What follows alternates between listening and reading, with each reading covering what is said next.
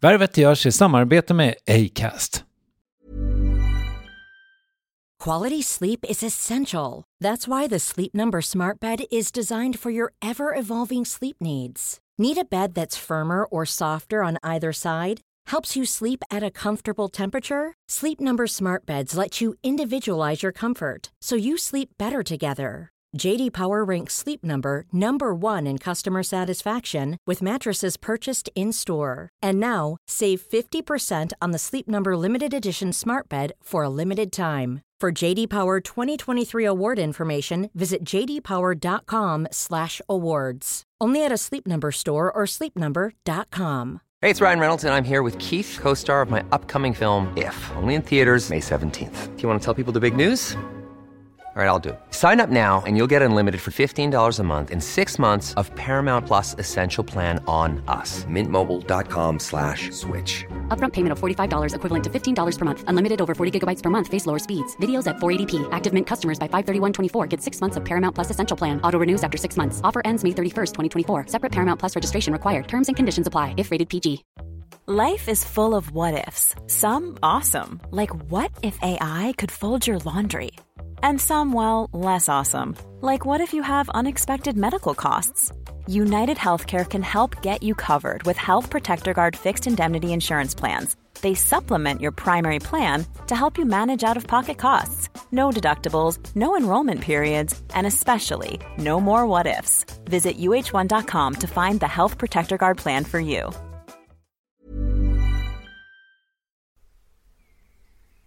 Värvet presenteras i samarbete med Nasonex, utomhusmöjliggöraren, som de inte kallar sig av någon märklig anledning. Men det är i alla fall Sveriges mest köpta antiinflammatoriska nässpray mot allergisk snuva. Och nu kommer ett litet test, så fram med papper och penna du som lyssnar, nu kör vi. Fråga 1. Vill du vara ute mer i naturen? Fråga 2. Sitter du framför en skärm lite för mycket? Fråga 3. Är du allergisk? Om du har svarat ja på någon av frågorna så tycker jag att du ska bege dig till beanoutsider.se. Jag vill för övrigt poängtera att Nasonex nässpray är ett receptfritt läkemedel från 18 år för behandling av symptom vid säsongsbunden och perenn allergisk snuva. Rådfråga läkare om du är eller tror dig vara gravid eller ammar eller om du planerar att skaffa barn, har en obehandlad infektion i näsan, nyligen har genomgått en näsoperation eller har en skada i näsan. Får ingen effekt inom 14 dagar eller om du redan använder läkemedel med kortison ska du kontakta läkare. Använd ej mer än tre månader utan läkarkontakt. Stort tack Nasonex och beanoutsider.se. Och så har jag bara känt att här, jag är nog inte av skr samma skrot och korn. Jag är nog mycket mer egoistisk än så. Alltså så här, gör jag fel om jag blir mamma? För att jag kommer inte kunna ge mitt barn den kärleken. Alltså jag har verkligen varit så orolig över det.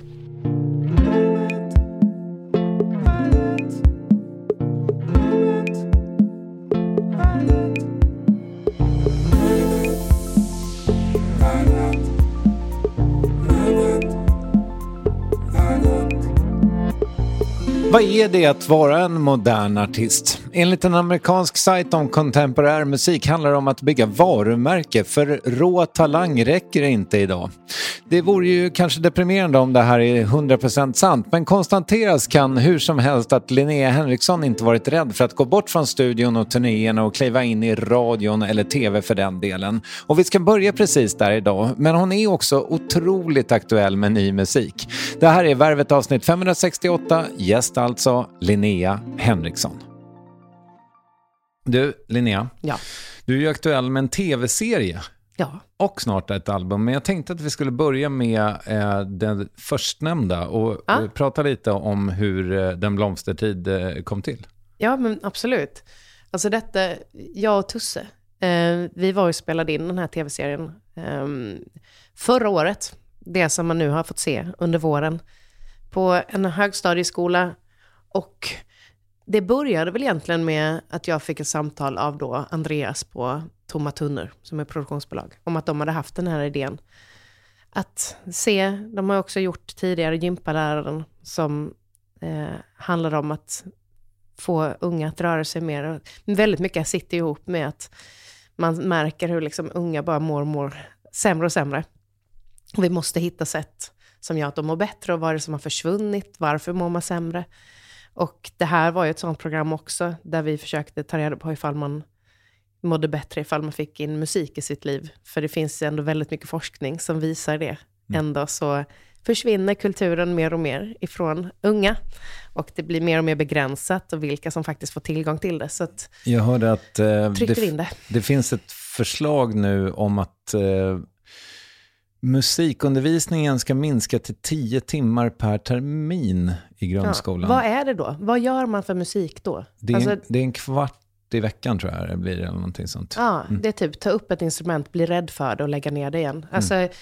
det är ju helt värdelöst och det är också helt värdelöst att pengen till kulturskolan har halverats och antagligen kommer försvinna helt. Alltså, det är bara så här, jag tycker det är så alltså jag, jag, förstår inte, det är därför jag inte kan bli politiker själv, för jag skulle aldrig kunna ta en diskussion med någon som jag inte begriper mig på, hur den kan tänka ut vissa saker som jag själv ser som ologiska. Men till exempel att man har ett, ett exportpris som regeringen delar ut och är så stolt över den svenska musikexporten. Mm. Nu fick First Aid Kit det. Exakt. Mm. Eh, och de själva tackar ju Kulturskolan i sitt tal för att Kulturskolan gör så otroligt mycket för den här stolta musikskatten som vi har i Sverige, som vi fortsätter förvalta, haft länge och liksom allt har kommit ur. Allt ifrån Avicii, First Max Aid Martin. Kit, mm. Max Martin, Sara Parkman. Alltså, det, tillgången till att kunna vara med och skapa musik är ju det som gör att det också blir någonting fantastiskt som är långvarigt och kan nå då också fina resultat, om man vill räkna så. Ja, men, jag tycker det är så jävla sjukt faktiskt. Mm. Att man inte kan se den kopplingen. Och även då eh, kopplingen till att om man ser till att unga är, har någonting att göra, så gör man det och inte massa annat. För mig var det ju också, om jag bara pratar rent ifrån personliga erfarenheter, så av att jag plötsligt hittade pianot och satt hemma och ville ta reda på vad det gjorde med mig och jag kunde sitta och nynna till det och börja skriva texter. Där la jag ju väldigt mycket tid. Eh, som gjorde att jag inte stod och hängde vid bensinmacken eller... Alltså bara så här, man måste ju göra något av sin tid och känna, alltså det där är en fantastisk väg att gå för att också få uttrycka väldigt mycket som man känner. Mm. Oh. Nu är det ju vi, eh, jag har väl ett Stockholmsperspektiv, men jag tycker ju, eller trots att jag har ett Stockholmsperspektiv kanske jag ska säga, så har ju jag de gånger jag har försökt sätta min, min biologiska unge i eh, kommunala musikskolan, som det inte längre heter, utan kulturskolan. Då är det ju så här, jaha, gitarr, ja, Danderyd eh, kvart över nio på onsdag morgnar typ. Alltså mm. det är så konstiga tider och på mm. så konstiga platser. Det är så jäkla svårt ja.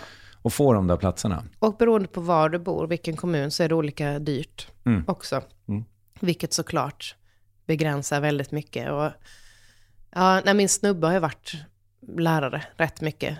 Och då i efterskoltids... Eh, alltså lärare både i ensemble och i enskilda instrument. Och där vet jag att alltså det, när han jobbade i en kommun så blev det plötsligt nya regler och jättemycket dyrare. Mm. Och då försvinner väldigt många elever som han också vet mådde så otroligt bra där. Ja, visst. Men just om man kommer tillbaka till den här tv-serien så tycker jag också att det var...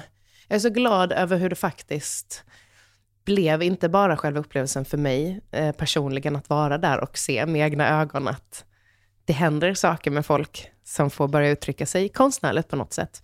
Um, men även, alltså det var ju inte bara de här barnen som man kanske följer lite extra i tv-programmet som det hände saker med, utan det hände så mycket med, med alla på något sätt, som på något, alltså bara man var med och sjöng lite i kören, alltså sammanhållningen, plötsligt så började de ju hänga med varandra. man, det hände ju mig också när jag började sjunga i skolkören på högstadiet, att jag lärde känna folk i de andra klasserna. Mm. Och det är jättevärdefullt också, man växer som människa när man inte är lika rädd när man går igenom en korridor i skolan, utan man känner igen folk. Just. Man kanske till och med vet vad de heter eller vad de gillar att göra. Mm. Jag eh, skulle vilja ge en shout-out till min eh, gitarrlärare Roger Tallroth. eh, kollade upp honom nu. Det var därför jag knattrade lite. Ja. Eh, Han är ju då, det är så himla kul, han är 64 år nu. Han hade ett band som heter Väsen, eller har ett band som heter Väsen. Mm. Och eh, stor, som jag minns honom, hade han så himla stora händer och så himla, liksom helt outplånligt tålamod med en kille som aldrig gjorde läxorna. Ja. Eh, så det var fint tycker Var det jag. du? Ja, det var jag. Ja, det var du. Mm. Jag hade också en underbar pianolärare. Innan jag liksom fattade att det var kul med piano så gick jag... Alltså jag gick fem år genom ABF då och spelade piano i grupp. Men så satt man med elpiano så att jag satt ju över på min läxa på lektionen tills han kom till min plats. Mm. Och jag, minns, jag fick en guldstjärna en gång när jag spelade Tre små gummor, Mm. tvåhändigt. Och jag blev så jävla stolt över den här guldstjärnan. Men, men så förstod jag också att det var den enda gången jag fick det under fem år. Det var den enda gången jag hade gjort läxan. Men han hade ju också tålamod alltså. Och någonstans, jag tänker allting leder dit man ska. Att någonstans var det nog jättevärdefullt för mig att sitta där fast jag mest längtade till fikan. Liksom. Sitter tre gummor. Kan du dra den? Nej, jag, nej, jag kan inte det längre. Nej. Information som gick in och information som gick ut. Ja, synd. Men hur var det att göra så här? För det känns ju liksom... Jag vet inte hur mycket ni filmade, men det känns som att ni filmade väldigt mycket. Och det, man, alltså det, att det är en väldigt klippt produkt, så där, att ni var där mycket. Eller? Ja, vi var där mycket. Vi var ju där nästan hela den vårterminen. Vi kom in någon månad in i att terminen hade satt igång. Och vi var där väldigt mycket. Man blev, alltså det var så häftigt att få, alltså få vara med i en sån ändå liksom viktig ålder. För det tycker jag att högstadieåldern är. Man känner ju väldigt mycket saker där. Mm. Och fast man är vuxen, eller man, fast jag är vuxen så kan jag ju fortfarande liksom reflektera över saker som hände under högstadiet och fundera på varför blev det så eller vad hände där? Hur var den Så tiden för dig då? Ja men den var ju liksom både ochig. Alltså jag hade ju, det har jag pratat om tidigare också, men jag hade ju väldigt mycket press på mig själv i skolan. Mm. Och det fick bli så himla centralt för mig. Eh, vilket såklart gjorde att jag krympte mig själv annars. Och, ja men, jag hade ju väldigt bra med kompisar, men jag var ju samtidigt jätteosäker i många sociala situationer. Det har jag liksom inte pratat så mycket om, men det blir ju det som blir följden av att man bara tycker att man är sina resultat, det är då man är värd någonting. Så då har man inte ens räknat in sig själv i sam- sociala sammanhang där man blir lite utmanad eller man börjar känna massa känslor. Och det blir ju, jag blev ju helt livrädd för allt sånt. Och det kan jag ju, alltså så här, tack och lov så har det inte kanske påverkat mitt vuxna liv så mycket att jag, jag är inte rädd att ta emot kärlek eller ge kärlek idag, men det var ju, jag kan ju tycka att det är synd om det finns barn, så som jag var, som inte förstår att de är värda att bli älskade. Alltså det är bara en sån sorglig... Så satt jag och skrev i böcker liksom. Alltså här, jag hittat gamla anteckningar där det liksom uttryckligen står att så här, jag sitter liksom och förklarar för mig själv att jag har kommit till insikt att jag bara får acceptera att jag är en av dem som inte kommer kunna bli älskade. Och så får det vara. Och så här, det får inte ett barn sitta och... Ett barn ska inte sitta och liksom förklara för sig själv att så, är det, så kommer mitt liv se ut och det är okej. Alltså man ska inte vara okej med en sån sak. Va, va, vad tror du att det där kom ifrån då? Ja, men det, alltså, till viss del tror jag absolut det kom ur att... Alltså jag, jag tillät mig inte vara i sådana situationer, att jag ens... Alltså, att jag tog emot det. Alltså, allt fokus för mig var ehm, att vara duktig i skolan. Den, den uppskattningen kunde jag ta emot, för den kunde jag också kanske ehm, väldigt lätt, alltså så här resultat, jag har liksom på ett sätt alltid varit en sån här Excel-person, att jag gillar liksom formler och jag kan förstå mig på, ser jag ett mönster så förstår jag varför det sitter ihop. Men känslor och sociala möten där man inte riktigt har regler, utan det kan ändå det kan bli konstig stämning fast, fast man sa hej och hur mår du? Och så blev det konstig stämning fast jag har lärt mig att det är så man gör. Alltså, det tyckte jag nog var skitläskigt. Det är något obestämt. Men det är ändå intressant att så här, det är det jag jobbar med idag. liksom, tar igen allt det där genom att bara skriva om hur saker känns.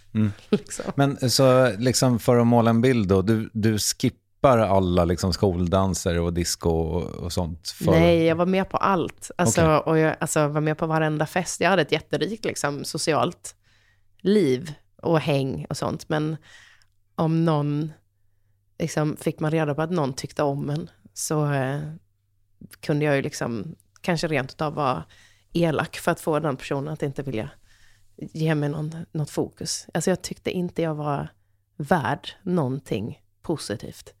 Så att jag blev nästan, det var som att jag, jag tolkade allting som någon kunde säga något fint om mig, som att den egentligen bara, snart skulle alla hoppa fram och skratta. Att det var inte sant. Alltså jag kunde bli förbannad på folk som uttryckte komplimanger, för att jag tyckte att vilka as att de lurar mig på detta sättet. Men vad fan, vad, för du, är väl, du kommer väl liksom från ett kärleksfullt hem? Ja, det gör jag. Nu ska jag dock säga att mina föräldrar och mamma och pappa, ni får inte bli ledsna när jag säger detta. Eh, för jag menar det inte så. Men vi har inte haft så mycket fysisk kärlek. Vi har inte sett så mycket fysisk kärlek. Det har liksom, mina föräldrar har varit helt underbara föräldrar. Eh, jag känner mig lite elak som säger detta nu.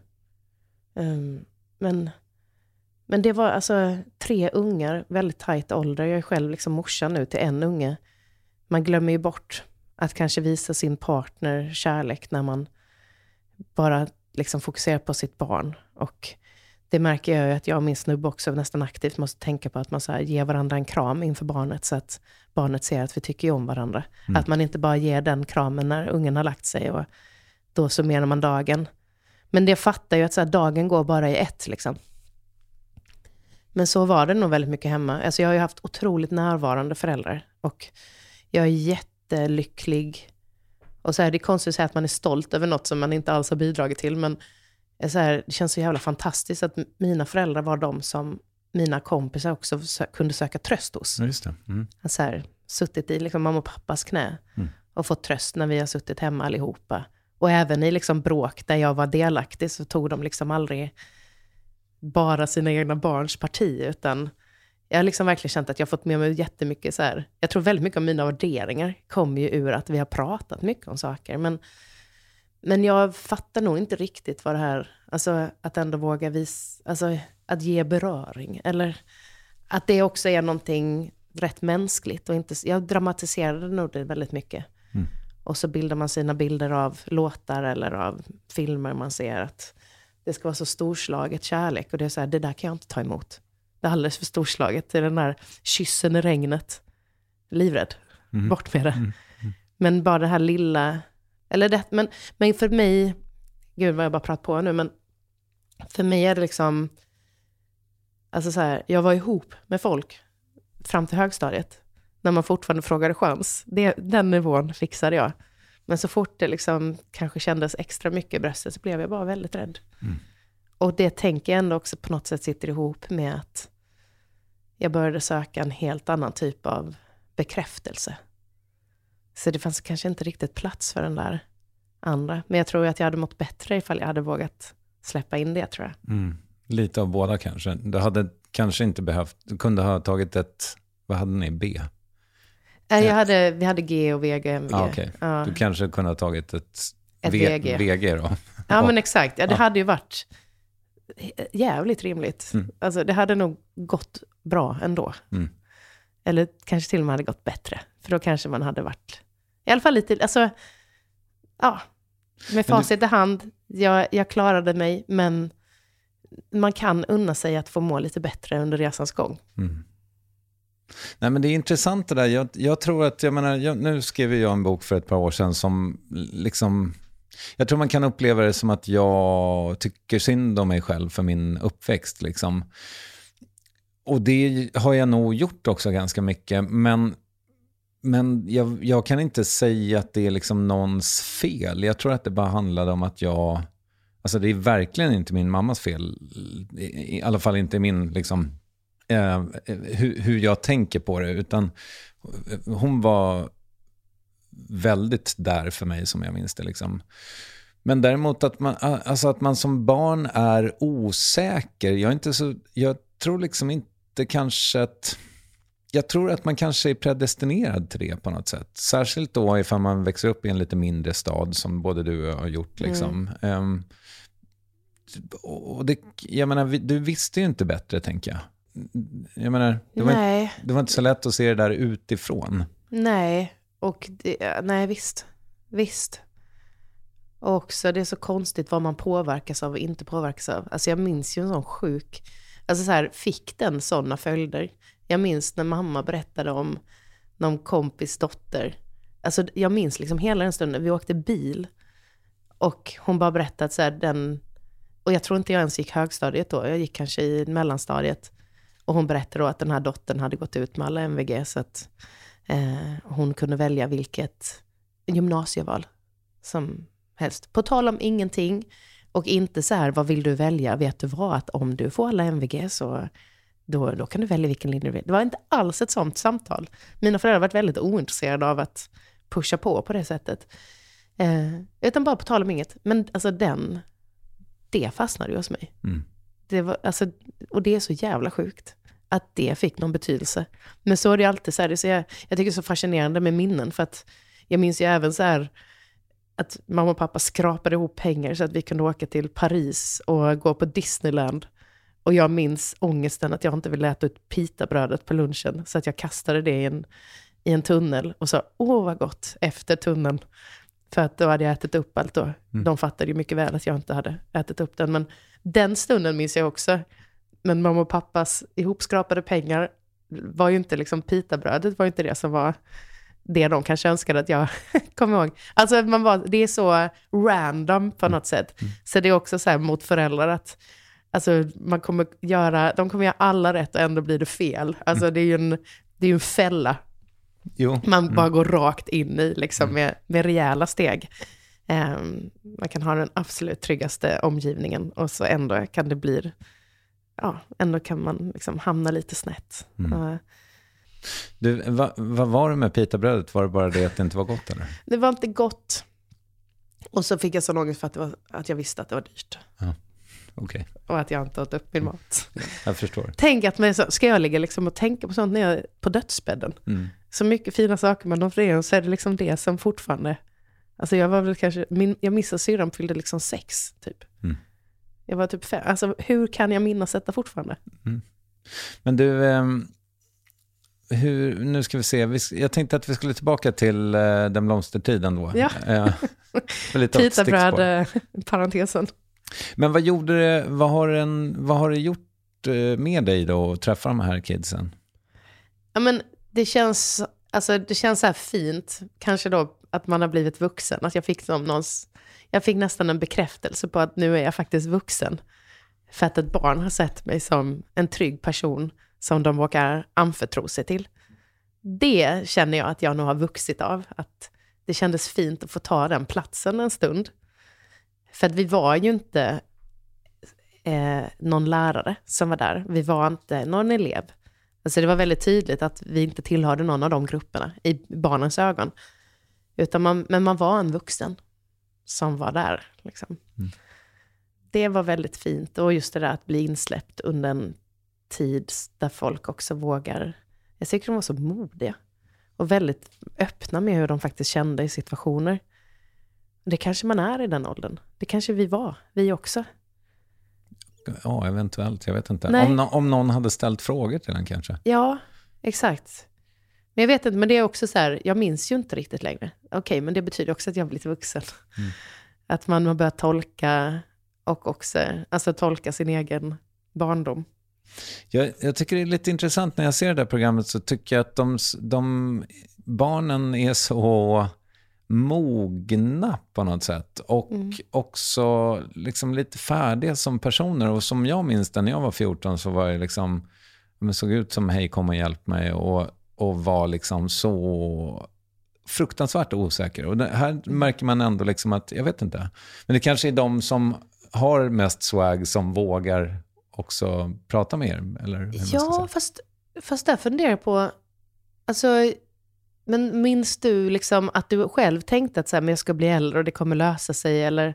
Nej. För att man är ju så himla i sin ålder, tänker jag. Mm. Och jag tror också att jag, och det märker jag på dem också, att man tänker att allting är klart. Just då att nu är man på ett sätt och man har valt sina vägar och så ska man göra det här avgörande gymnasievalet.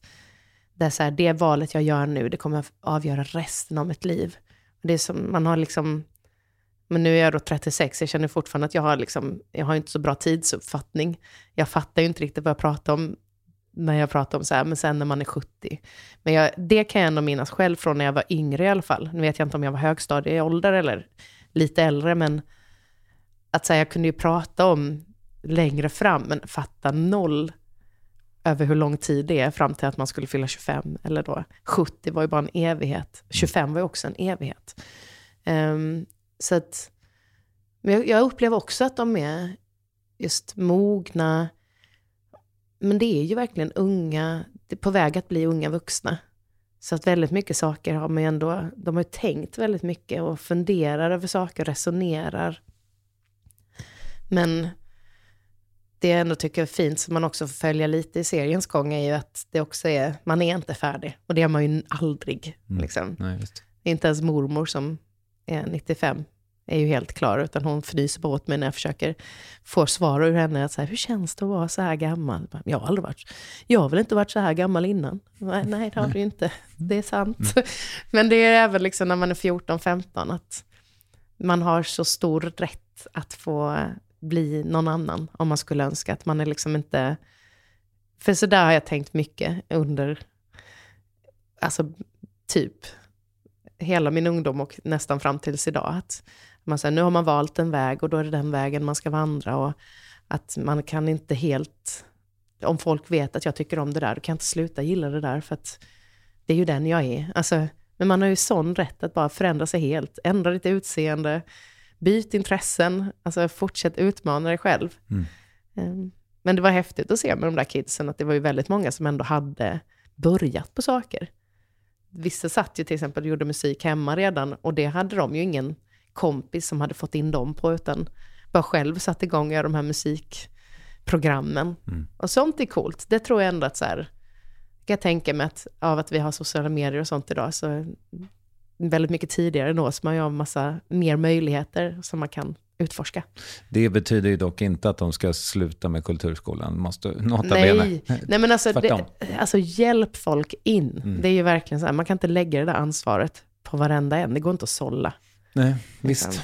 Och eh, som du var inne på också, att, eller som vi var inne på för en stund sedan, alltså att, att faktiskt låta alla möta musik i skolan tror jag är en jätte, jättebra idé. För att annars riskerar du ju lite som kulturskolan är i Stockholm har jag fått en känsla av i alla fall, att det liksom är en medelklassgrej. Ja. Gud vad jag pratar mycket om klass. Fast det är allt handlar om klass. Mm. Alltså det är ju verkligen så. Och det tycker jag också man kan se i det här programmet faktiskt, utan att liksom försöka lägga någon värdering i det. Jag tycker det, vi erbjöd musik till alla och alla var faktiskt, alltså oavsett vad du hade för bakgrund så fanns det faktiskt intresse ifall, alltså när det faktiskt är tillgängligt för dig. Men jag tycker ändå man kunde märka vilka som faktiskt har fått med sig lite av det redan från början och vilka det var längre, ett längre steg att ta, att vara del av projektet. Det har ju mycket med klass att göra också. Mm. Det tycker, alltså, det är jätteviktigt. Och det tror jag verkligen är så här i politiska beslut som tas, att det handlar väldigt mycket om det. Mm. Um, nej, gud, vi, det är så viktigt att få in, ja men då, bara de, alltså ämnen som, det finns en biträdande rektor som pratar i i serien som säger det så bra. Det här att... När man är liten så leker man. Sen blir allting, plötsligt ska du skriva allting och sen så ska du hålla på och prata om det du har skrivit. Medan i musikundervisningen så finns det liksom ett utrymme som är icke-verbalt. Och jag tror att det är ett sätt att fortsätta sitt lekande upp i livet. De kreativa ämnena är ju ett sätt att få fortsätta leka. Och även idrott, att man rör sig. Det behövs verkligen. Man hittar helt nya vägar och får liksom utforska själv. Det är så viktigt att ha, ha kvar det. Mm. Och att också då, om man tänker som ett musikämne eller ett bildämne, om man drar ner tiden enormt mycket på det, då kommer det också bara till slut handla om att skriva och, och förklara saker. Och det är inte det musik eller kreativa ämnen handlar om. Nej.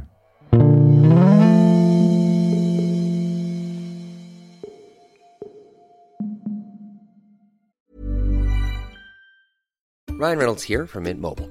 With the price of just about everything going up during inflation, we thought we'd bring our prices down. So to help us, we brought in a reverse auctioneer, which is apparently a thing. Mint Mobile unlimited premium wireless. Ready to get 30, 30, bit to get 30, bit to get 20, 20, 20, bit to get 20, 20, bit to get 15, 15, 15, 15 just 15 bucks a month. So, Give it a try at mintmobile.com slash switch. $45 upfront for three months plus taxes and fees. Promo rate for new customers for limited time. Unlimited more than 40 gigabytes per month. Slows. Full terms at mintmobile.com. There's never been a faster or easier way to start your weight loss journey than with PlushCare. PlushCare accepts most insurance plans and gives you online access to board-certified physicians who can prescribe FDA-approved weight loss medications like Wigovi and Zepbound for those who qualify.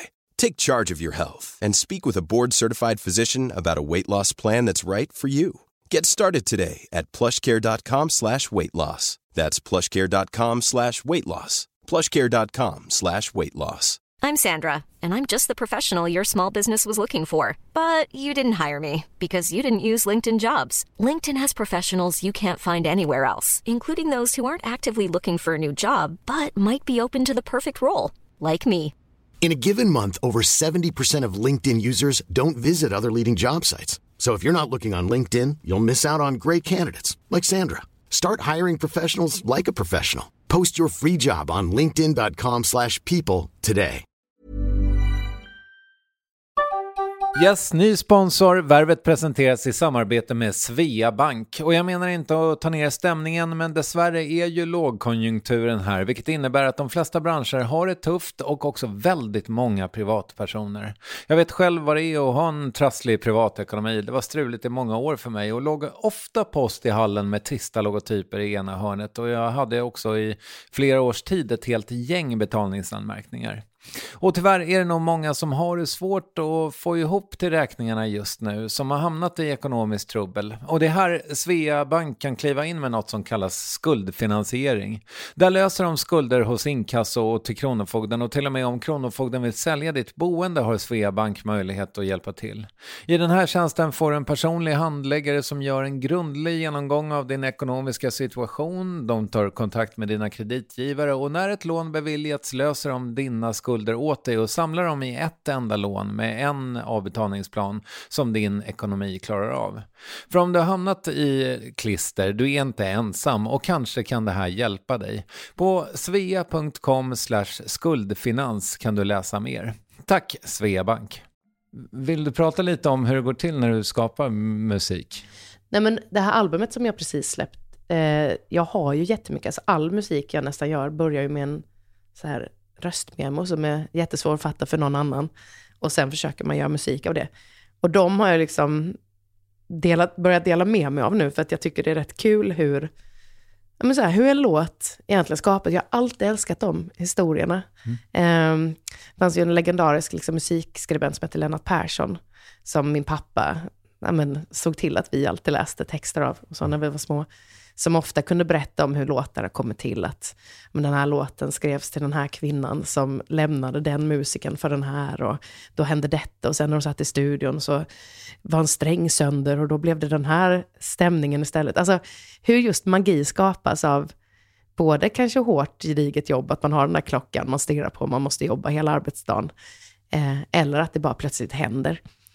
Och på det albumet som jag har gjort nu så har det varit både och. Mm. Jättemycket att man verkar fram saker som inte blir någonting och sen plötsligt så när man ska sova så kommer den här irriterande myggan med någon slags melodi så börjar man liksom spela in det och vill inte väcka familjen samtidigt. Mm. Man, Folket här, så här liksom.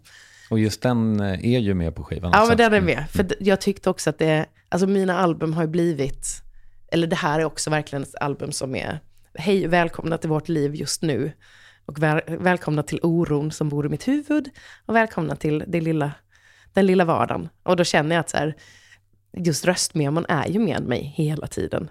Och när man också, nu har jag sedan mitt förra album eh, haft liksom glädjen att kunna bli gravid och fått ett barn. Och då får man hitta sina luckor när man handlar eller när man är ute och kör bil eller vi flyttade in elpianot till ungens rum ett tag, för då kunde vi sitta där och spela lite samtidigt som det lektes med klossar. Alltså, och då, alltså just låtskrivande för mig har alltid varit det är så konstant hela tiden och så himla enkelt idag när man kan ha mobiltelefonen med en röstmemo och anteckningar. Så då vill jag ha med det på plattan så att det blev, så att andra också förstår att det här bara, det bara maler på Mm. och sen blir det, tack och lov, en låt ibland. Ehm, Det- men, men det är just kul för att det finns också så en låt som, alltså vissa låtar som den låten, Stanna tiden då, där det finns med ett röstmemo hur den börjar, det är hela låten med på det röstmemot. Bara att röstmemot är kanske sju minuter, men varje del finns med. stannar och ser mig om Kvinnan med röda Volvon Visst var vi barn ihop När blev hon så himla stor Sen finns det ju andra låtar där jag var i session med Daniela Ratana för vi skulle skriva musik till henne. Och så har vi då ett röstmemo där vi bara försöker verka fram idéer. Och så plötsligt kom en liten melodisnutt som jag liksom inte kunde sluta tänka på. Det blev aldrig en låt till Daniela. Men den här kunde jag inte få bort i huvudet. Och den behölls och sen har den vuxit till till slut en låt som verkligen inte handlar om det vi satt och nynnade om, men bara så här, vissa saker, den skrevs väl då på några år istället. Alltså, jag tycker just själva processen är jättespännande. Vilken låt blev det? Det blev en låt som heter Du får det handla om henne. Den är eh, väldigt intressant låt tycker jag. Eh, men eh, du, eh, när vi ändå är inne på ditt album, vad vill du berätta om det? Men det är ett album som heter Det lilla och det handlar ju om det där lilla formatet livet kan vara. Som man också, det är som den där perfekta fonden som har kokat ner till perfekt egen buljong. Alltså allt koncentrerat, men med så lite som möjligt. Alltså vad är det man har kvar då? Um, ja, men det är typ sex år sedan snart som jag släppte mitt förra liksom, popalbum. Och sen har jag gjort andra grejer däremellan. Både jobb, men framförallt har mitt liv handlat om att så här, jag blev gravid. Jag fick ett barn. Det blev en pandemi. Jag var jättemycket med min familj. Jag började fundera på vad är det för album jag egentligen vill göra och märkte att jag vill inte skriva ett enda, en enda rad till om mitt förhållande. För att jag bryr mig inte om det längre. Eller jag bryr mig om vårt förhållande, men det finns liksom ingenting att säga. Däremot är jag livrädd för att så här, mina föräldrar blir äldre och liksom, att jag blir arg på dem när de säger samma sak igen handlar om att jag är rädd att de blir äldre. Det betyder att en dag har vi inte kvar den här enheten. Jag eh, har liksom blivit beredd att dö för någon med min unge. Så liksom en kärlek som jag inte förstod att jag kunde känna inom mig väckts till liv. Alltså det har hänt så avgörande saker, fast i det här väldigt lilla formatet. Um, och på något sätt också det då när liksom också den här stillheten kom med pandemin så blev det ju så tydligt att vissa saker fanns inte i mitt liv just då. Det som fanns kvar blev så otroligt värdefullt för mig.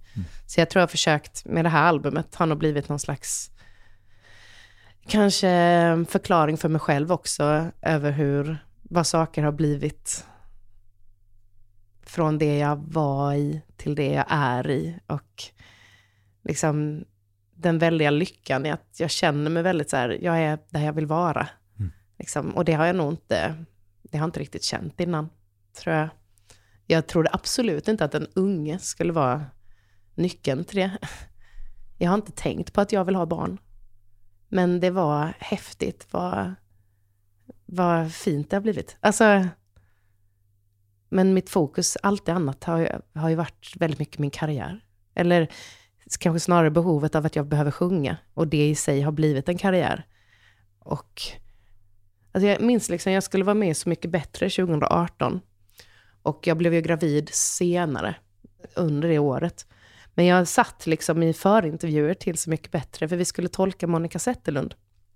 Som, eh, och så pratade vi om henne och det, alltså, hon var ju en helt otrolig konstnär och sångerska som jag verkligen, verkligen, verkligen lyssnat mycket på och inspirerats av och sett upp till. Men så kom vi även in på liksom, föräldraskap. Och det har ju både skildrats i filmen om henne, men också som man har förstått att det var nog inte det, liksom, det lättaste. Och jag liksom själv tänkte så här, jag vet inte om jag kan bli en morsa. För att jag kanske älskar att få sjunga, mitt behov att få sjunga kanske kommer vara mycket starkare än att ta hand om mitt barn. Och där har jag ändå också tänkt på min egen barndom och hur otroligt närvarande mina föräldrar var. Så att de snarare då valde ja, men, att vara föräldrar framför sitt egna liv ett tag. Alltså det är ju jag som barn och mina syskon jättetacksamma för, för de gav oss allt. Och så har jag bara känt att jag är nog inte av sk- samma skrot och korn. Jag är nog mycket mer egoistisk än så. Kommer jag verkligen, alltså så här, gör jag fel om jag blir mamma? För att jag kommer inte kunna ge mitt barn den kärleken. Alltså jag har verkligen varit så orolig över det. Mm. Och så får man barn och så märker man att det är liksom allting förändras inom en. Alltså det har ju varit, det handlar ju skivan jättemycket om också på något sätt. För att när jag insåg att barn, mitt barn är det enda viktiga för mig nu. Det gör ju inte att jag inte känner ett behov och en lust till att sjunga, men det har liksom verkligen, det är inte lika viktigt för mig. Och jag ser inte det alls som en nackdel, utan jag fick någonting annat, någonting större. För, för jag tänker ju att, ehm, alltså när jag nu har lyssnat på den sen igår eftermiddag när jag fick länken, så har jag tänkt att den känns eh, som att den är gjord på väldigt mycket kärlek och väldigt mycket inspiration. Det är som att du liksom har, eh, du och, och kanske också dina musiker faktiskt, att ni har, har liksom det är som att ni hade ackumulerat massa, massa liksom inspiration och så skulle det in på de här Mm. 42 minuterna eller vad det nu blev. Hur lång är den? Ja, men det är nog något sånt. Jag chansar Ja. bara. Jo, men jag tror faktiskt att du nailade det rätt hårt. Tack, tack. Nej men, ehm, är, känner du också så lite? Ja, alltså det gör jag nog. Alltså det var liksom, det här albumet, jag har jobbat på det här albumet på ett helt annat sätt än jag har jobbat med tidigare album. Mina två första plattor var ju väldigt mycket, det blev en låt i studion, fett. Okej, hur många låtar har vi nu då? Fyra, jättebra. Och så gjorde man en ny låt i studion. Behövde inte ha något samband alls med varandra. Mitt förra album var mycket mer viktigt för mig att det ska finnas en berättelse genom hela. Men jag jobbade fortfarande på det här sättet att om jag var i studion och fick till en schysst låt med någon så proddade vi upp den lite snabbt direkt och så fick den låta som den gjorde, men hamna i sammanhanget. Det här albumet har jag skrivit under en väldigt lång tid. Det är nog tre år rätt exakt som det här albumet har funnits i mig. Och sen har jag inte jobbat aktivt med det hela tiden, för att jag också fastnat i perioder när jag känner att jag har ingenting att säga. Så då skiter jag i det. Ehm, men sen när jag väl fattade vad det var för album och typ när jag kom på att så här, det måste heta Det Lilla, för det var det enda jag pratade om, när jag pratar om vilka låtar jag gjort. Då kom ju andra låtar väldigt snabbt, så att det plötsligt blev en helhet, om det kanske fanns några nyckellåtar som ändå förklarade viktiga saker för mig, så föddes låtar som Två delar eller Stanna tiden, som bara fick bli någon slags brygga eller lim mellan de här andra låtarna för att förklara med det som är det lilla för mig. Så att då har det ju varit ett flöde av att ja, men jag har haft de här röstmemon och sen har nästan allt lirats in av då Willa Lin som otrolig musikproducent, men också min sambo. Så vi har jobbat väldigt nära varandra i en studio som vi byggde upp förra året. Och sen Johan Eckerborn som också är en helt otrolig musiker och producent. Och så har jag hamrat på några instrument när, när de har tröttnat på att jag mest bara sitter och tycker. Ehm, men så det har ju verkligen varit, det har varit så fantastiskt att vara så en tajt liten grupp. Och väldigt mycket så, det som låten blev, det fick vara det som blev. Mm. Att jag inte liksom suttit och synat den sen och tänkt på hur ska den här bli mer effektiv. Jag varit så otroligt ointresserad av det och det känns väldigt lyxigt att få göra så. Jag tycker också att den känns modig på något sätt. Alltså den, eh, jag menar, man kanske inte hade väntat sig ett outro på två minuter som är så här, liksom 70-tals jazzrock typ. Nej. Men det Nej. finns det ju. Ja, det finns det. Ja. Det är Frälsningsarmén eh, deluxe också. Otrolig blåsare som heter David Bryntesson som liksom, vi visste att han spelade trumpet och sen visade det sig att han spelade även så här baritonhorn, valthorn, tuba. Och så här, men men då, då skiter vi i det här, sa vi och slängde alla gitarrer som vi hade spelat in. Och så fick han spela in hela det outrot. För det är ju verkligen ett outro. Det är ju en skiva som verkligen har ett tydligt intro, handling, outro. Mm.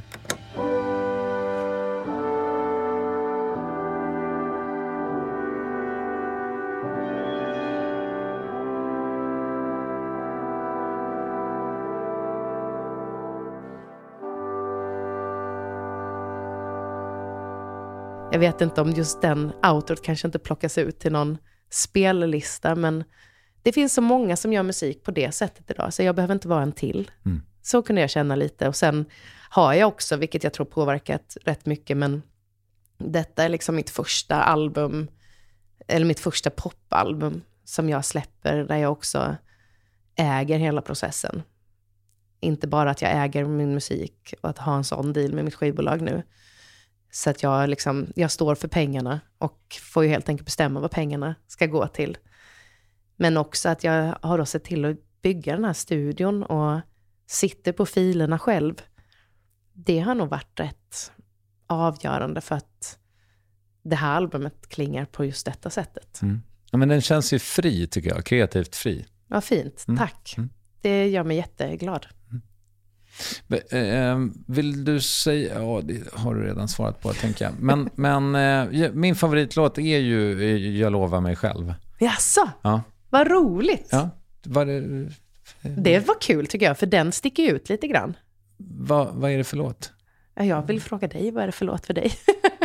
Men eh, måste jag svara först? Ja, det kan jag göra. Gör det. Ja, det, det är så formatet här Mm. är. Ja. Jag är inte Jag köper att- det. Ja.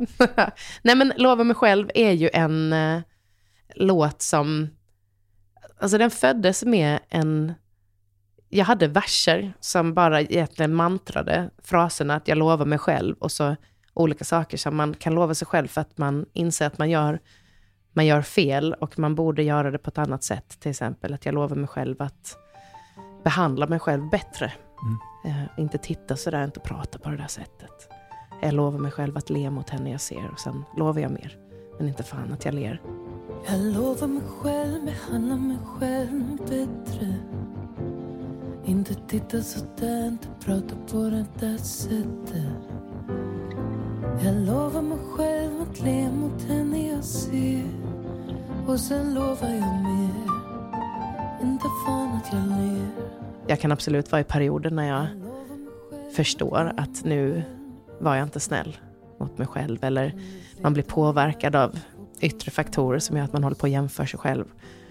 Och så vet man ju intellektuellt att så här, det där var inte bra gjort av mig. Och så där får man inte säga till sig själv, så där får man inte tänka. Men man gör det i alla fall. Det blir Så- lite som en sån klassisk dubbelbestraffning. Man, Ja. man är dum mot sig själv i första ledet och så förstår man det och så misslyckas man ändå med att vara snäll mot sig Ja, själv. Och så mår man precis. ännu mer piss. Ja, Mm. och sen men det här konstanta utåt, att man ska, allting ska vara så bra utåt. Jag tycker verkligen det har varit den typen av klimat länge nu, på sociala medier till exempel, att eh, man ska vara så korrekt hela tiden och det är otroligt hård bestraffning om man gör ett fel. Um, vilket, jag bara tänker, det är så lite som får blomma ut då, om jag tänker tillbaka också på min egen högstadietid och sådär. Jag tror att den här tiden som vi generellt har just nu med den typen av cancelkultur eller att man inte liksom får leta sig fram till svar längre, utan man måste ha svaret. Man skulle haft det igår egentligen. Um, Jag tror att det kan göra att vi krymper väldigt mycket igen. Och att det kan bli, ja men det- då finns det plötsligt, krymper vi ihop så finns det massa plats vid sidan av oss som liksom fel typer av idéer eller vindar kan segla förbi genom. Så den handlingen har liksom, det var bara ett mantra jag hade för mig själv, för att jag behövde det. Och sen har den liksom utvecklats, det har blivit någon slags jazzvals nästan, eller en eh, sexåtta, men då fanns den här också, när Ville satte sig och spelade, vi, vi hyrde Ingrid, som är en jättefin studio här på Södermalm i Stockholm, och där finns det ett Celesta, det finns väldigt få sådana. Så att då satt han så och spelade och det Vad- låter vad lite är klock- det ens? Ja, men det är som ett klaviatur, Mm. piano, fast det låter lite klockigt. Okej. Mm. Ehm, alltså nästan så här, inte cembalo, men ändå åt den, att det, det låter lite annorlunda. Och då började han spela den här, en slags intromelodi som finns i låten. Som jag tyckte lät väldigt Jan Johansson, som är jazzlegend, gjort de här jazz på svenska. Och, Ehm, så det, liksom, det fanns lite olika vägar och jag hade samtidigt det här konstanta pumpet i huvudet som jag liksom vägrade släppa. Så det var lite så här olika tankar som bara, den var, alltså detta är en låt som verkligen inte landade naturligt på en gång, utan det har varit väldigt mycket så att det måste sluta med ett kaos, Mattias Landeus, en jazzpianist jag älskar. Han, tänk om han kunde spela och så lyckades vi. Han ville spela, åh, fett om vi lägger in han. Och så bara var det otroligt mycket ingredienser som så här, vad, är, vad har vi gjort för någonting? Mm. Men då var det också så här, det vet jag någon gång att någon kompis till mig jag bodde med sa att ju mer du sätter på dig, ju snyggare blir det. Att jag liksom har jättekonstig stil när jag bara tar på mig typ två plagg. Det, funkar verkligen inte. Men om jag bara slänger på mig massa, mer saker, mm. då blir det plötsligt logiskt. Mm. Så då tänkte jag, då gör vi så med denna låten. Och vi, vi adderar och adderar och adderar tills man verkligen inte orkar lyssna mer. Och då får det bara sluta. Mm. Um, men vad, jag var glad jag blev att du, att du fastnade för den. För att den, ja, men den utmanar ju ändå lite, det blir ju liksom ett, ett jazz eh, avslut. Jo. För den halva låten är ju mm. Eh, egentligen bara jazzsolo, mm. eller jazzkaos. Jo, men jag tänker mig att det är ju, jag kanske tycker särskilt mycket om den för att det känns som att den binder ihop ditt liv lite. Ja. För att jag vet ju att det liksom, eller det fanns ju någon tanke om att det skulle vara jazzen för dig. Liksom. Ja, visst. Jo, men det är jag nog också rätt glad för att den här... Det har ju varit en sån låt som jag bara, oavsett vad folk har sagt om den genom processen, så har jag varit så här, fast den är med. Mm. Den här låten är ju med på plattan.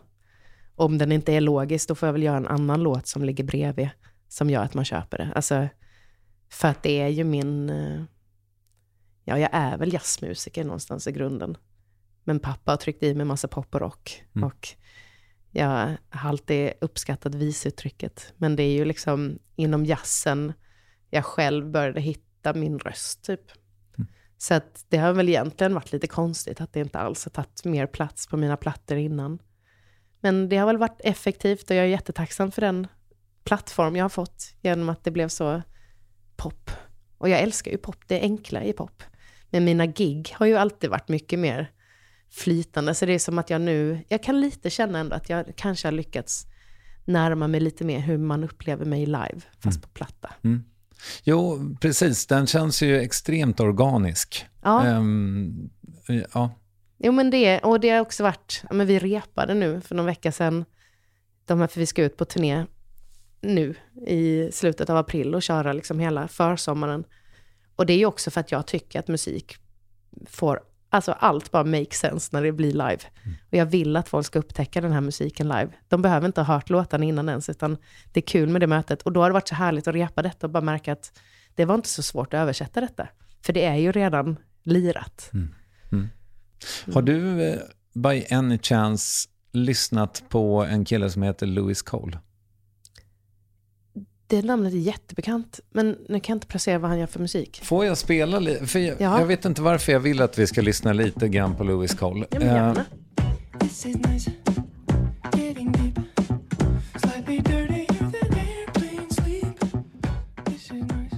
han känns så modern på något sätt i det här är att han gör, han gör så små, det är så små universum, apropå det lilla kanske. Ja. Att han så här spelar in en video i en trapp. Ja. Bara liksom och sen så flyttar kameran sig så har han två grannar där. Typ. Alltså, ja. det, det räcker liksom. Ja, men jag blir jätteinspirerad av, av allt sånt. Mm. Alltså, jag tror också att jag någonstans, jag tycker liksom att jag har försvårat det för mig själv ibland. Alltså det är också, jag har ju alltid älskat musik och alltid någonstans känt, eller när jag väl fattade att så här, jag mår bra av detta också, så har jag haft ett behov av att få sjunga. När jag har mått sämre har jag insett att jag har inte sjungit på ett tag. Och det där att bara sätta sig i en trapp, det är ju där musiken skapas. Alltså att, som sagt, det är helt otroligt att man kan få kalla detta för sitt jobb. Men jag kan ju bli lite trött på mig själv också över hur så här, det handlar så mycket om paketering och image och skit. Jag är ju musiker i början. Alltså det är ju det jag blir nästan absolut stoltast över ifall någon skulle kalla mig och har aldrig riktigt satt ihop mig själv med alltså, titeln artist. Det tycker jag är mycket svårare, för jag tycker inte att det är... För mig är en artist det är liksom lite märkvärdigt, och inte nödvändigtvis på ett sämre sätt, utan det, är liksom, det finns ett artisteri. Liksom. Men jag är liksom så här, vad fan, jag är ju... Ja, jag är en hallänning som alla i Halmstad har pejl på vad morsan, vem morsan är, för hon jobbade med det. Alltså du vet, det är så här, de gånger jag liksom försökt vara någon slags då artist och man ska ha lite fräcka scenkläder och så ska man... Eh, men jag vet inte, det bara blir... Jag går liksom inte på det själv. Och då blir det rätt svårt att stå där och ha någon slags pokerface. Mm. Att man ska vara någonting mer. Jag kan bli lite obekväm av den tanken. Att också så här, man behandlas lite annorlunda än de andra i bandet. När man är på vissa ställen. Eller i branschen. Mm. Så är det liksom... Ja, men jag bara, det tycker jag inte om alls. Därför kan jag också ibland inte tycka att det är så trivsamt i Stockholm. Inom mitt, just med mitt jobb. För att då blir det en grej. Mm. Liksom. Men eh, det är väl kanske därför också den här plattan har gjorts väldigt mycket på landet. Där bryr sig ingen. Och om de bryr sig så är det mer, alltså det är så mjuka värden på något sätt som man pratar om. Ja, men alltså det, du har ju lite målat in det i ett hörn när du liksom, art, alltså när skivorna kommer ut i ditt namn. Ja, men så exakt. Ja, eller hur? Du, du ber ju lite om ändå att få bli, kall, eller bli kallad artist. Eller, Ja, du ber tänker så. Jag det. tänkte ja. precis tvärtom. Att säga, ja, exakt. Så därför är det bara jag. Ja. För det heter ju som jag. Ja, okej. ja. Men visst, man blir ju artist. Jag såg någon intervju med Joni Mitchell när hon just så här, om hon anser sig vara artist eller musiker. Och hon var så här, jag har alltid identifierat mig mycket mer med att vara artist. För att det liksom ändå även täcker upp de här andra delarna av det som, alltså just hur man uttrycker sig visuellt även. Alltså det finns ju jättestyrka i det. När hon sa det, då tänkte jag så här, jaha. För hon är för mig så här jättemusiker. Mm. Och att det alltid har känts som att musiken kommer först typ. Men eh, jag tror jag kanske bara fick en konstig väg in av att man gjorde Idol och så då var det ju verkligen så här artisteriet det. som var fokusen. Om man hade fräcka kläder och, Mm. Rätt och sådär. stövlar så att säga. Ja, men lite så. Och Då, då kanske jag bara fick liksom lite så besk smak i munnen av att oj då, jag kan. Det är också bara så enkelt, det, saker man inte kan blir man ju lite så misstänksam kring. Mm. Jag kan inte det där lika bra. Artist är ju ett härligt uttryck på engelska dock, eftersom det är så, det är så mycket bredare på engelska. Ja, Att jo, det är eller konstnär, hur? Liksom. Exakt. Men att säga konstnär på svenska blir ju väldigt pretto nästan. Ja. ja. Så det, man kanske bara får försöka vinna över artist igen då, som om det täcker in det med. Mm. Mm. Du, ehm, jag har ju ett handikapp. Nu, nu inser jag så här att jag lite grann hade ändå tolkat textuellt vad ehm, eh, Jag lovar mig själv handlar om. Mm. Eh, men mitt handikapp är då att jag inte lyssnar på texter. Eh, Mm. Så att i, i, jag, jag minns fortfarande att det, det var liksom någon som... För jag lyssnade väldigt mycket på Staffan Hellstrand när jag var Ah. ung. Eh, Underbara texter. tycker du det? Ja. Jaha, vad roligt. Många, alltså, Ja, för det var någon som eh, eh, fick mig att skämmas när han tydligen hade sjungit om att, eh, hade haft textraderna Kärlek och hat är som två lejon som aldrig fått mat.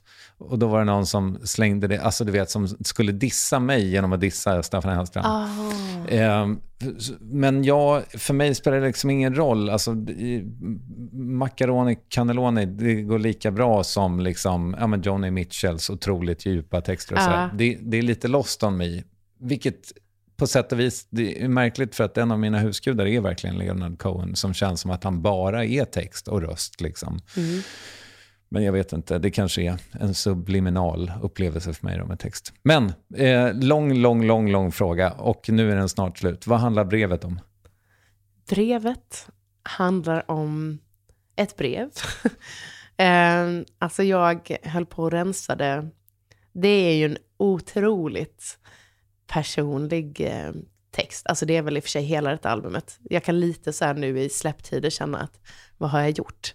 Jag sitter och pratar om saker som är nästan privat för, för mig.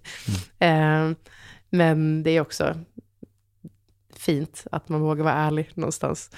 Men eh, brevet är, jag vet inte om, om det är rätt att säga att det var ett försök att åtminstone förstå, men inte kanske att be om förlåtelse, för det har jag nog inte, tycker jag inte riktigt att jag har rätt att kräva av någon. Men jag gjorde ett skitdåligt eh, slut med den första människan som betydde väldigt mycket för mig. Och jag hittade då ett brev som jag hade sparat när jag höll på och rensade hemma för att vi skulle göra plats för en ny människa som skulle flytta in i vår lägenhet. Så hittade jag det här brevet ifrån liksom nej men det blir ju verkligen från ett annat liv. Där jag hade försökt förklara för då eh, en tidigare pojkvän varför jag gjorde som jag gjorde.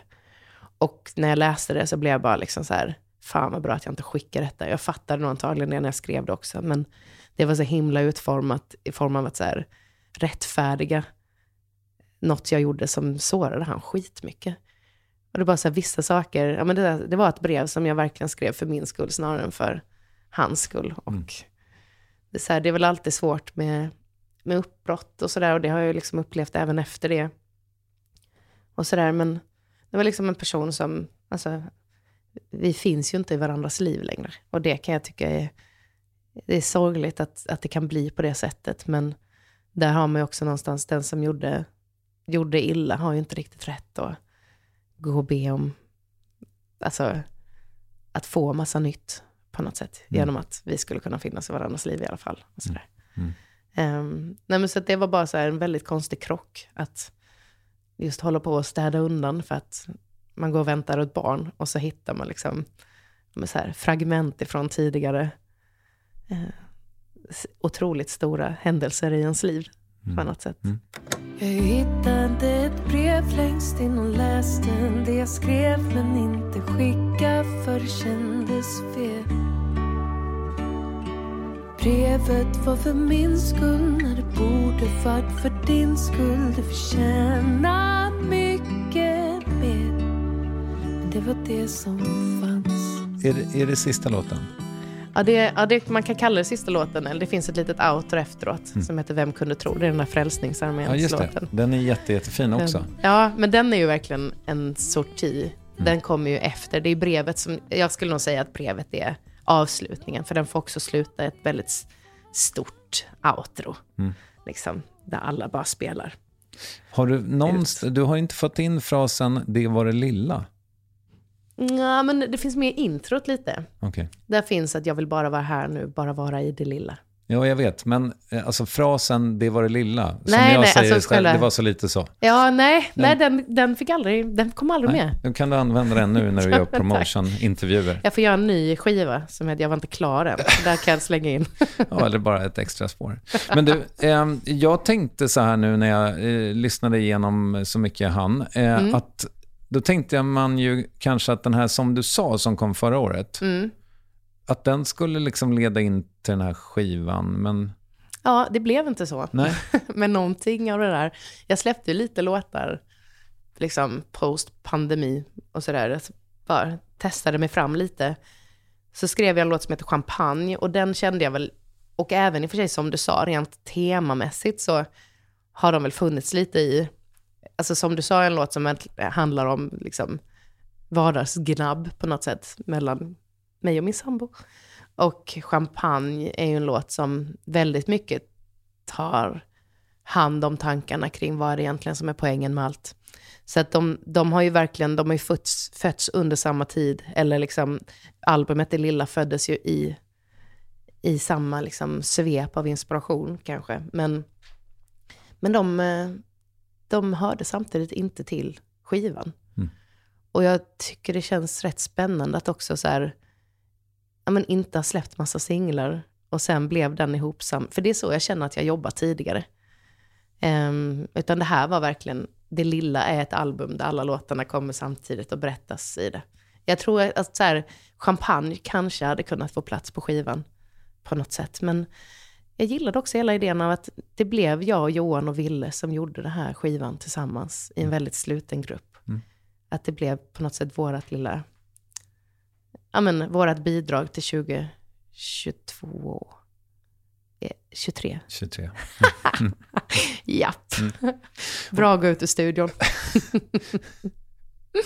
Men du, är den eh, till stor del, eller mestadels då, inspelad i den här nya studion i Ugglarp? Ja, det är den. Ja. Väldigt mycket. Vad är det för plats? Vad är Ugglarp? Så. Det är en plats, den ligger geografiskt mellan Halmstad och Falkenberg. Och min mormor och morfar hittade dit först. Mormor är uppvuxen i samma hus som jag är uppvuxen i. Och sen så fick hon tjänst eh, uppe i Polken, då, som vi pratat om tidigare, med morfar som kommer därifrån, hela hans familj. Så att mamma växte upp i liksom Gällivare och i de trakterna. och så var det väl ett sätt att tillbringa somrarna nere på, i, i närheten av Halmstad utan att behöva bo med då mormors föräldrar. För att hennes pappa, eller far som hon säger, eh, ville liksom, han vilade mitt på dagen och då ville han inte att de åkte iväg på andra äventyr, för det ville han väldigt gärna åka med på. Och samtidigt så ville han att det var tyst i huset när de var, alltså, var så här, det håller inte att bo hela somrar på det sättet. Så då hittade de till den här lilla, liksom, plätten mark i Ugglarp och byggde en sommarstuga där som de åkte till hela tiden när mamma var liten. Sen tog mamma och hennes brorsa över den och sen tog jag över den för några år sedan. Så att jag ser det väldigt mycket som så här, det är min familjs paradis. Mm. Det är så jävla enkelt och det var garanterat fuskbyggt på 60-talet, men det är väl preskriberat. Och nu behöver den röstas upp lite till och då behövde någon ta ansvar och då tog jag det ansvaret. Och så har jag fått bygga mig en studio där, vilket är helt fantastiskt. Och nu går jag och längtar efter att få riva bort en plastmatta och bygga om förrådet. Så det har liksom varit på min, när jag tyckte det varit lite för tradigt att hålla på med den här skivan. För jag tycker inte det är så himla kul att göra klart skivor. Det är så himla mycket jobb. Mastering och sånt inte... Nej men och, och mixningen, alltså fy. Det är så traumatiserande allting för att det är så avgörande. Där är det verkligen så, nu ska man låsa. Det är jättehärligt att skriva musik för då kan allting få ändras. Men också när man spelar in allt med instrument så är det ju jättestökigt när jag säger åt Wille att jag vill byta tonart. Eller det här ska nog inte vara en upptempo, det ska nog vara en ballad. Vissa låtar har ju gått igenom rena slaktprocesser. Och då, då har det varit eh, min morot att jag haft en lista där det står att så här, riva bort plastmatta. Till exempel. Att det så här, nu ska jag äntligen få göra detta. Och bara få gå in för det. Nej men så denna platsen, det är en plats som jag, den har förvaltats i 60 år och jag ska se till att den finns kvar ännu längre. Det är liksom familjens lilla andningsplats, tror jag. Jag har alltid varit väldigt kreativ där. Och jag och morsan kunde åka ut dit rätt mycket när jag var liten. Och jag så började drömma massa kreativt, alltså så här, kunde drömma kollektioner med kläder som jag satt och ritade upp. Och, ja, men bara lockat fram väldigt mycket inspiration hos mig. Ja, vad häftigt. Mm. Ehm, och eh, hur är solnedgångarna? Ja, de är ju... Tänk att man aldrig blir trött på det. Jag, jag får liksom bita med tungan och stänga ner Instagram. Jag vill ju hela tiden lägga upp den här otroliga solnedgången. Vi har ju liksom havet framför oss ifrån tomten. Så att sol, solen går ner på olika platser beroende på vilken årstid man är där. Och det är ju underbart att titta på faktiskt. Men det, Men det är skittråkigt. Alltså fy fan vilket tråkigt konto om man lägger ut solnedgång hela tiden. Jag förstår att folk avföljer mig. men du, är det inte, eh, eh, finns det inte en risk med att du förstör något med att hålla på och jobba där och bygga studio och skit? Ja, men just musiken har jag liksom, jag har ju alltid trivts att skriva där. Och så länge det är en egen liten byggnad, vilket det är nu, så tycker jag inte, hittills har det inte känts som att den tar någon plats. Nej, bra. Fast det är en, en, en ny byggnad på tomten. Mm. Nej, det har inte känts så faktiskt. Jag tycker det är typ stökigare att ha det hemma i lägenheten. Jag förstår. Du, det här kommer eh, troligtvis eh, min eh, kära producent Ninni att klippa bort. Ja. Som kommer nu. Ja, Men jag har eh, en, en väldigt dum, jag har en väldigt dum eller möjligen filosofisk fråga om reverb.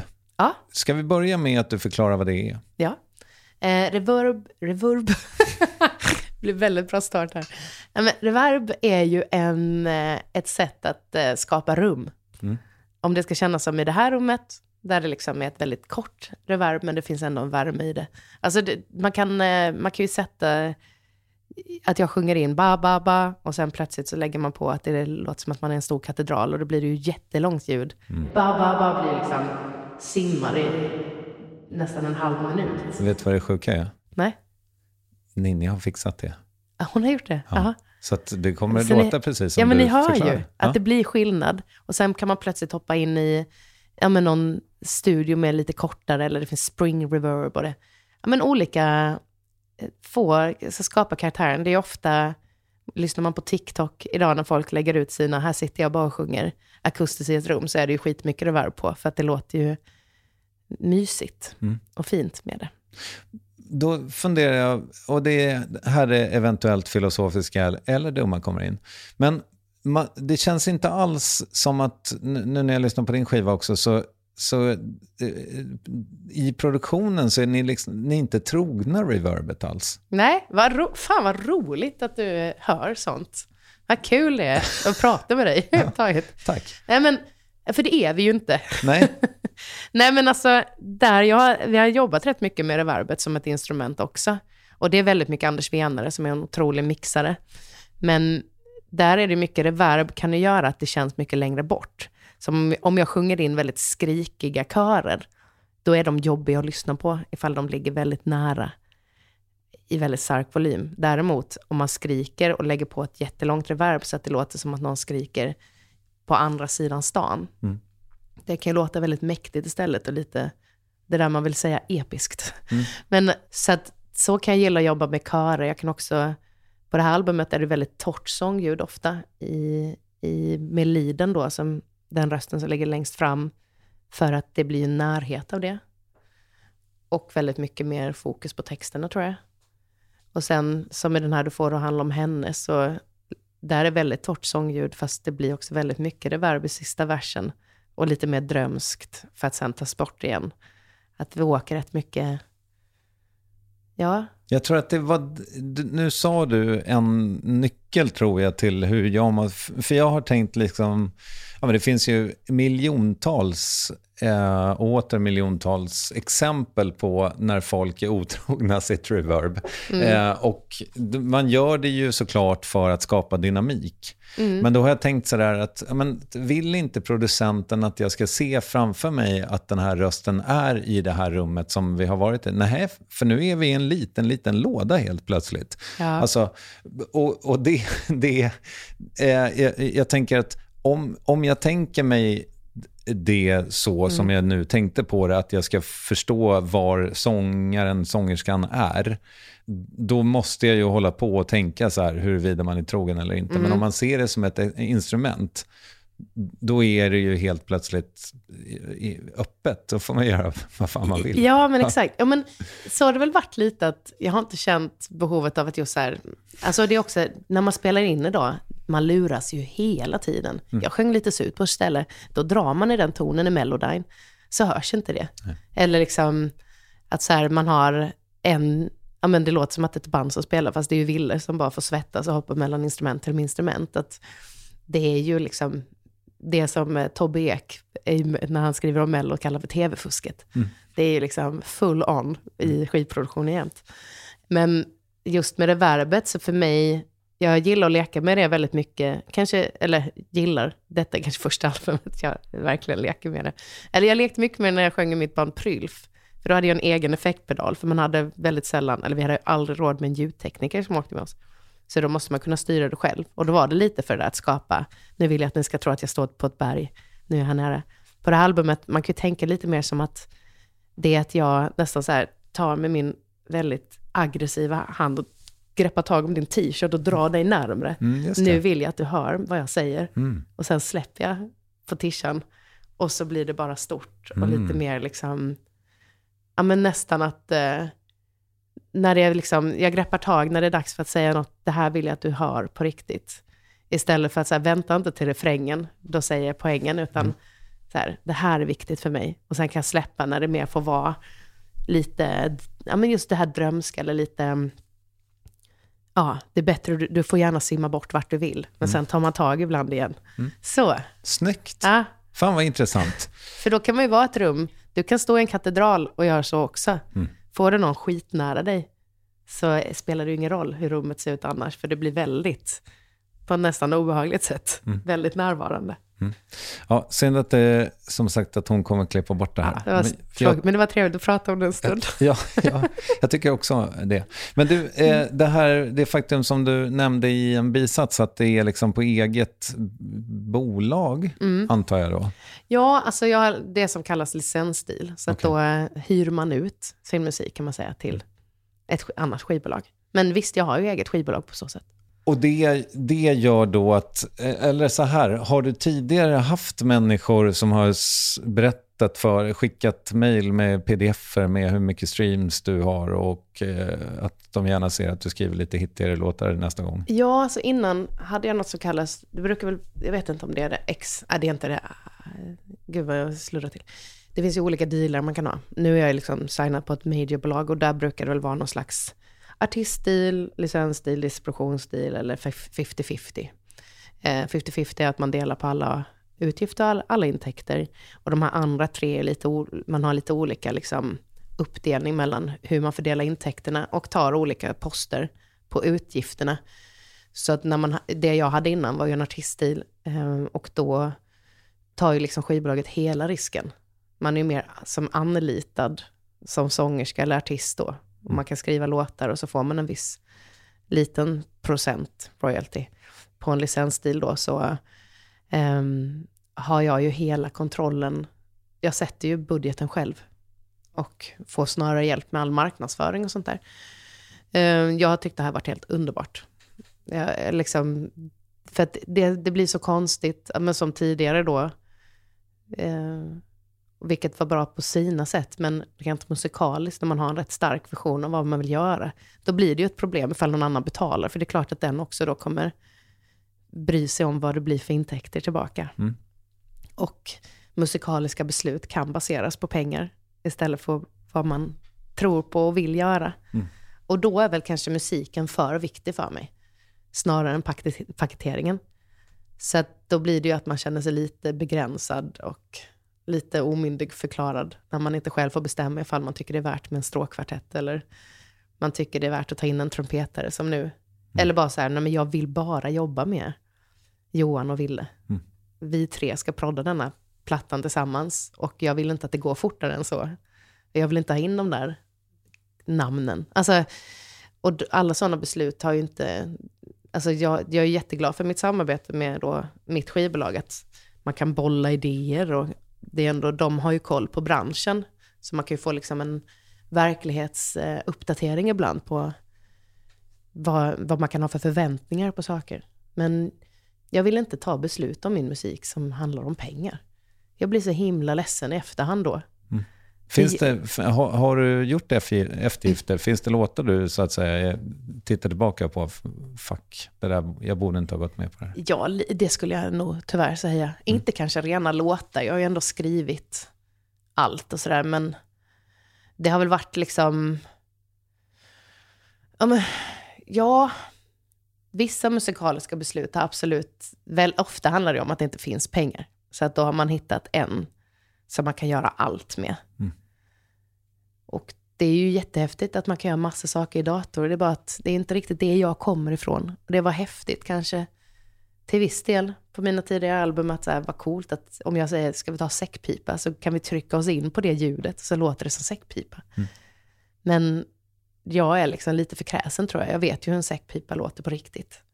Och helt kan inte ettor och nollor göra det. Så att, mm.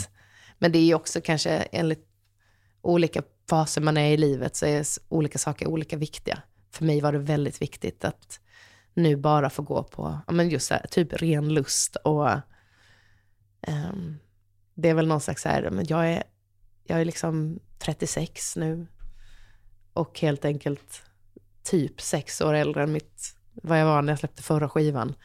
Jag måste få bestämma de här grejerna, det blir jättekonstigt annars. Mm.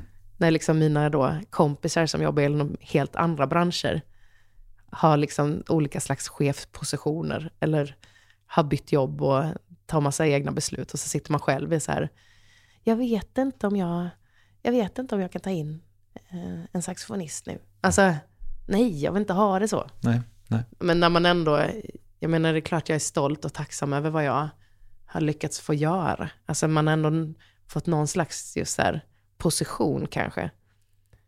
Och att det ändå är så här viktigt att, alltså musik ska ju fortsätta utveckla och utmanas. Även, alltså för jag, jag kan lite, nämligen, kanske det jag försöker sitta och förklara, men jag, jag vet inte om jag känner men, någonstans att man tar sig lite en risk. Att man gör ett annat typ av, jag anser mig inte göra ett effektivt album nu. Och tidigare har det ändå handlat lite om att försöka få till det. Mm. Åtminstone ha några låtar som är singelkompatibla och man ska blicka mot de här uh, olika radiokanalerna. Och så känner man lite att men de har inte varit intresserade av mig innan, varför ska jag göra det nu? Det passar mig inte, det passar mig inte. och det här albumet är väldigt mycket, ja, men bara det att jag inte ens släpper singlar är ju jättemycket ett beslut som bara handlar om att så här, jag vill inte. Mm. Och då blir man ju också så här, har jag blivit dum? Punkt. Men, så eh, och det, Men jag menar, man måste ju göra de här albumen för att också, dels för att man är stolt över det själv, men också för att det ska hända. För att man inte bara ska sluta göra musik. nej, men det, är, det, det finns ju singlar på den. Det behöver inte vara orolig. Alltså det Ja. finns ju hits. Ja, alltså, olika låtar säger olika saker Ja. kanske. Ja. Mm. Och eh, sen så tänker jag också att eh, nu för tiden så är det i alla fall på gig ni, ni tjänar pengar. Mm. Så. Om man inte åker ut på turnéer som jag har börjat göra nu, där jag inte vill tjäna pengar längre, utan jag lägger alla pengar på att även få ett stopp i Husum. Ja, jättemånga, jättemånga musiker och väldigt små scener. Är det så Exakt, ja, exakt jobbar? så. Ja. Det var precis det min agent sa. Ja. så här, du vet om att du... Och så, ja, det vet jag. Men det, det ska bli så himla roligt. Mm. Nej, men mäktigt tycker Ja. jag. Grattis. Tack. Jag, det känns som att du är på en bra pl- plats i livet. Ja, men jag, jag tror ta mig fan att jag är det. Mm. Eller det är jag. Och jag vet ju att det här är då den svartsinta människan som ändå bor i mig. Jag vet ju att en massa skit kommer komma. Men just därför kan man ju faktiskt vara väldigt glad just nu. Ja. Tänk inte på det nu. Nej. Då blir du ju ledsen jag jag två tänker gånger. på det genom att så här, då gör det att jag även så här, "Ah, fan då, då kör vi glass idag också. Mm. Alltså jag har blivit lite så, carpe diem-person. Kan du skriva under för det också? Gillar du att karpa? Nej, men, Nej!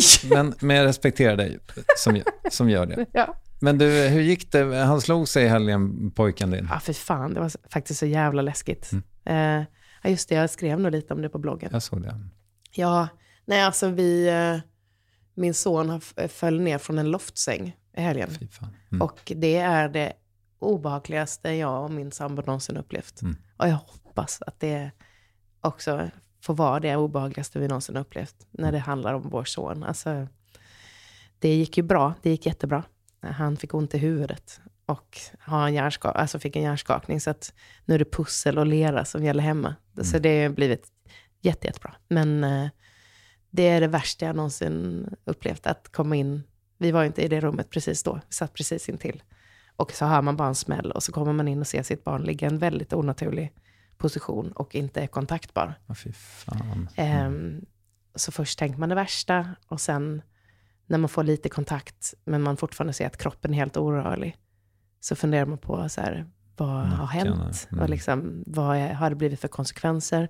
Och också att den spontana alltså reaktion från både mig och min sambo var att vi vill hålla om honom. Och så är det bara så här, fuck, gjorde jag något? Alltså så här, jag, jag tog tag om hans huvud. Och nej, har jag gjort något med hans nacke? Alltså att, var så här, men då, ja, vi ringde ju 112 och vi var tack och lov hos kompisar som kunde prata åt oss. För att vi var ju så himla, man var så rädd, man var så himla rädd. Det är klart. Mm. Ehm, Men ja, sen som alltid med fantastisk svensk sjukvård så eh, tog vi väldigt väl om hand. Mm. Liksom. Mm. Och så blir man bara, när man sitter där på akuten, på barnakuten sen och så ser man den här tavlan, de har en skärm i väntrummet där det står, de har fyra olika grupper där man kan då hamna att röd grupp, grupp ett är ju liksom livshotande och sen finns det ehm, allvarliga och sen finns det besvärande och sen finns det lindriga symptom. Då är man ju också väldigt tacksam för att man inte hamnade högst upp. Alltså där man ändå ser att det kommer in en prick, då blir man ju bara så otroligt eh, skärrad liksom. Mm. Mm. Men, ja, vad skönt att det gick bra. Det gick jättebra. Men det- gud vad man upplever nya känslor alltså. Du, eh, jag eh, eh, har satt den här frågan inom tre parenteser, för jag var lite osäker på om jag skulle ställa den. Men jag, jag fick ändå feeling. Eh, lite random och Mm. meta. Men fick du en identitetskris av Fördomspodden? Nej, jag vet inte. Nej, det tror jag inte. Jag bara verkligen fick bekräftat att jag är så jävla harmlös på något sätt. Och att också bilden av mig är att jag är väldigt harmlös. Så här, trodde ändå att jag hade lite... Nej, det trodde jag nog inte. Men man är inte, jag är inte så cool. Och det är rätt skönt faktiskt. Jag är så himla o... Eh, jag, är jätte, alltså jag är så himla typ, tycker det är så här spexigt och häftigt att jag får komma tillbaka hit igen. Att du ändå vill prata med mig. Sånt är mysigt, att man får så här fina samtal. Folk känner att man har någonting att säga till varandra. Men, eh, Alltså, jag, jag fattar ju varför man inte blir skvallerblaska material. Och det tror jag är en jättestyrka. Mm. Se till att hålla dig precis, liksom, var lite för tråkig, bara ointressant. Mm. Så får man leva livet utan att någon bryr sig. Mm. Ja, Ja, så det tror jag händer där, bekräftande mer. Bra, bra lifehack. Ja, Exakt. Du, eh, var, vad ser du fram emot? Jag ser jättemycket fram emot eh, att få åka ut på turné. Mm. Det gör jag ju alltid. Det är ju, ja, gud vad jag är enkel på så sätt. Sätt mig i en turnébuss och det var liksom nästan så här vimpel. att jag sitter och viftar med en flagga. Älskar allt med det där. Så det ser jag fram emot jättemycket, få åka ut nu på vår lilla turné. Hur är det, för när vi sitter här så är det ju några dagar kvar till liksom skivan faktiskt kommer. Nej, tvärtom va? Några dagar sedan den släpptes. Nej, när vi sitter här. Ja, ja, För ja. nu sitter vi här nu. Ja, du pratar om, ja, Ja, exakt. Kul att- att jag inte Folk, det, Kan det hålla ihop går, jag tror folk förstår att det här inte är live. tror också. när de, De när de köpt sätter det på efter några år av varvet. Ja. exakt. Ja. Nej, men, men hur är det då, eh, hur känns det med den här recensionsdagen så att säga? Ja, alltså jag har både tänkt att jag så här, jag bryr mig inte. Och jag tror att det är sant de gånger jag tänkt så. Sen drömde jag en dröm att Aftonbladet gjorde om sitt recensionssystem för att kunna förklara hur, eh, hur de tyckte om den här plattan. Vilket var att de har fem plus och sen gjorde de om då så de även har fem minus. Så att jag kunde få fyra minus. Så liksom inte, inte fem minus, men fyra minus liksom. så att så här, näst sämst kunde man bli. Och då fattar jag också någonstans sådär, men lite typ oroar jag mig kanske över vad folk tycker. Eh, men eh, alltså, och där har man ju ändå då förhållningssättet, i alla fall utåt, att det är mycket bättre att bli sågad än att hamna på 3 plus. Mm. Eh, så det var ju skittrist när ni hör detta nu då, om det bara blev en sån här medel, liksom rycker på axlarna skiva. Ingen brydde sig, ingen kände någonting. Mm. Men de förstår att jag har typ lagt lite tid på det, så det kan väl få godkänt. Alltså, men så det jag kan känna lite med detta albumet, för jag tror att jag, eh, att jag talar sanning när jag säger att det är ett annorlunda album från vad jag släppt innan. Att det låter lite annorlunda, att jag skriver om lite andra saker och sådär. Och då känns det typ mer spännande att se vilka följer med mig i den här eran. Då. Du sjunger väldigt bra på den också. Tack. Väldigt, eh, det är liksom, du har ju alltid gjort det, men jag tänker att det är liksom nya färger. Ja, ja, men tack. Jag har haft ett större rum att sjunga i. Jag tror faktiskt att det har påverkat mycket. Man sitter inte bara i de här små proddrummen med någons rygg när man spelar in och ska göra effektiv pop, utan det har varit viktigt för mig att få sjunga ut. Typ. Du, fan stort lycka till med albumsläpp och eh, turné och Tack. eh, fan och hans moster. Och riva plastmatta. Exakt. Det ser jag också fram emot faktiskt. Tack för idag. Tack för att jag fick komma hit. Anytime.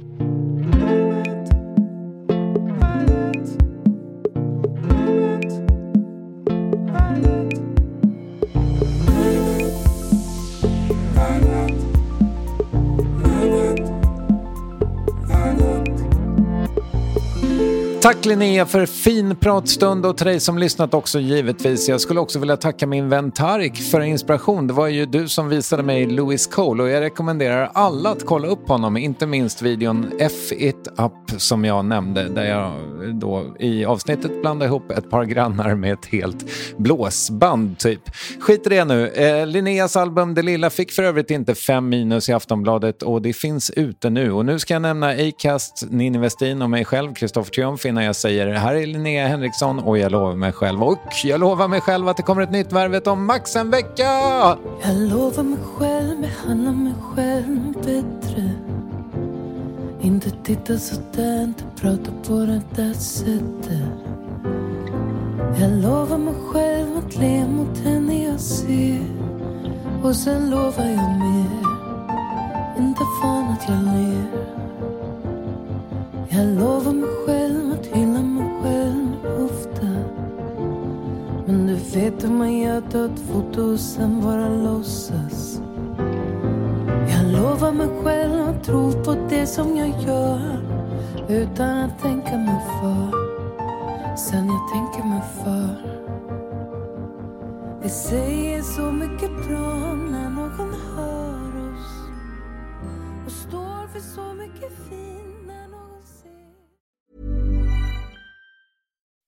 When you make decisions for your company, you look for the no-brainers. If you have a lot of mailing to do, stamps.com is the ultimate no-brainer. Use the stamps.com mobile app to mail everything you need to keep your business running with up to 89% off USPS and UPS. Make the same no-brainer decision as over 1 million other businesses with stamps.com. Use code PROGRAM for a special offer. That's stamps.com, code PROGRAM.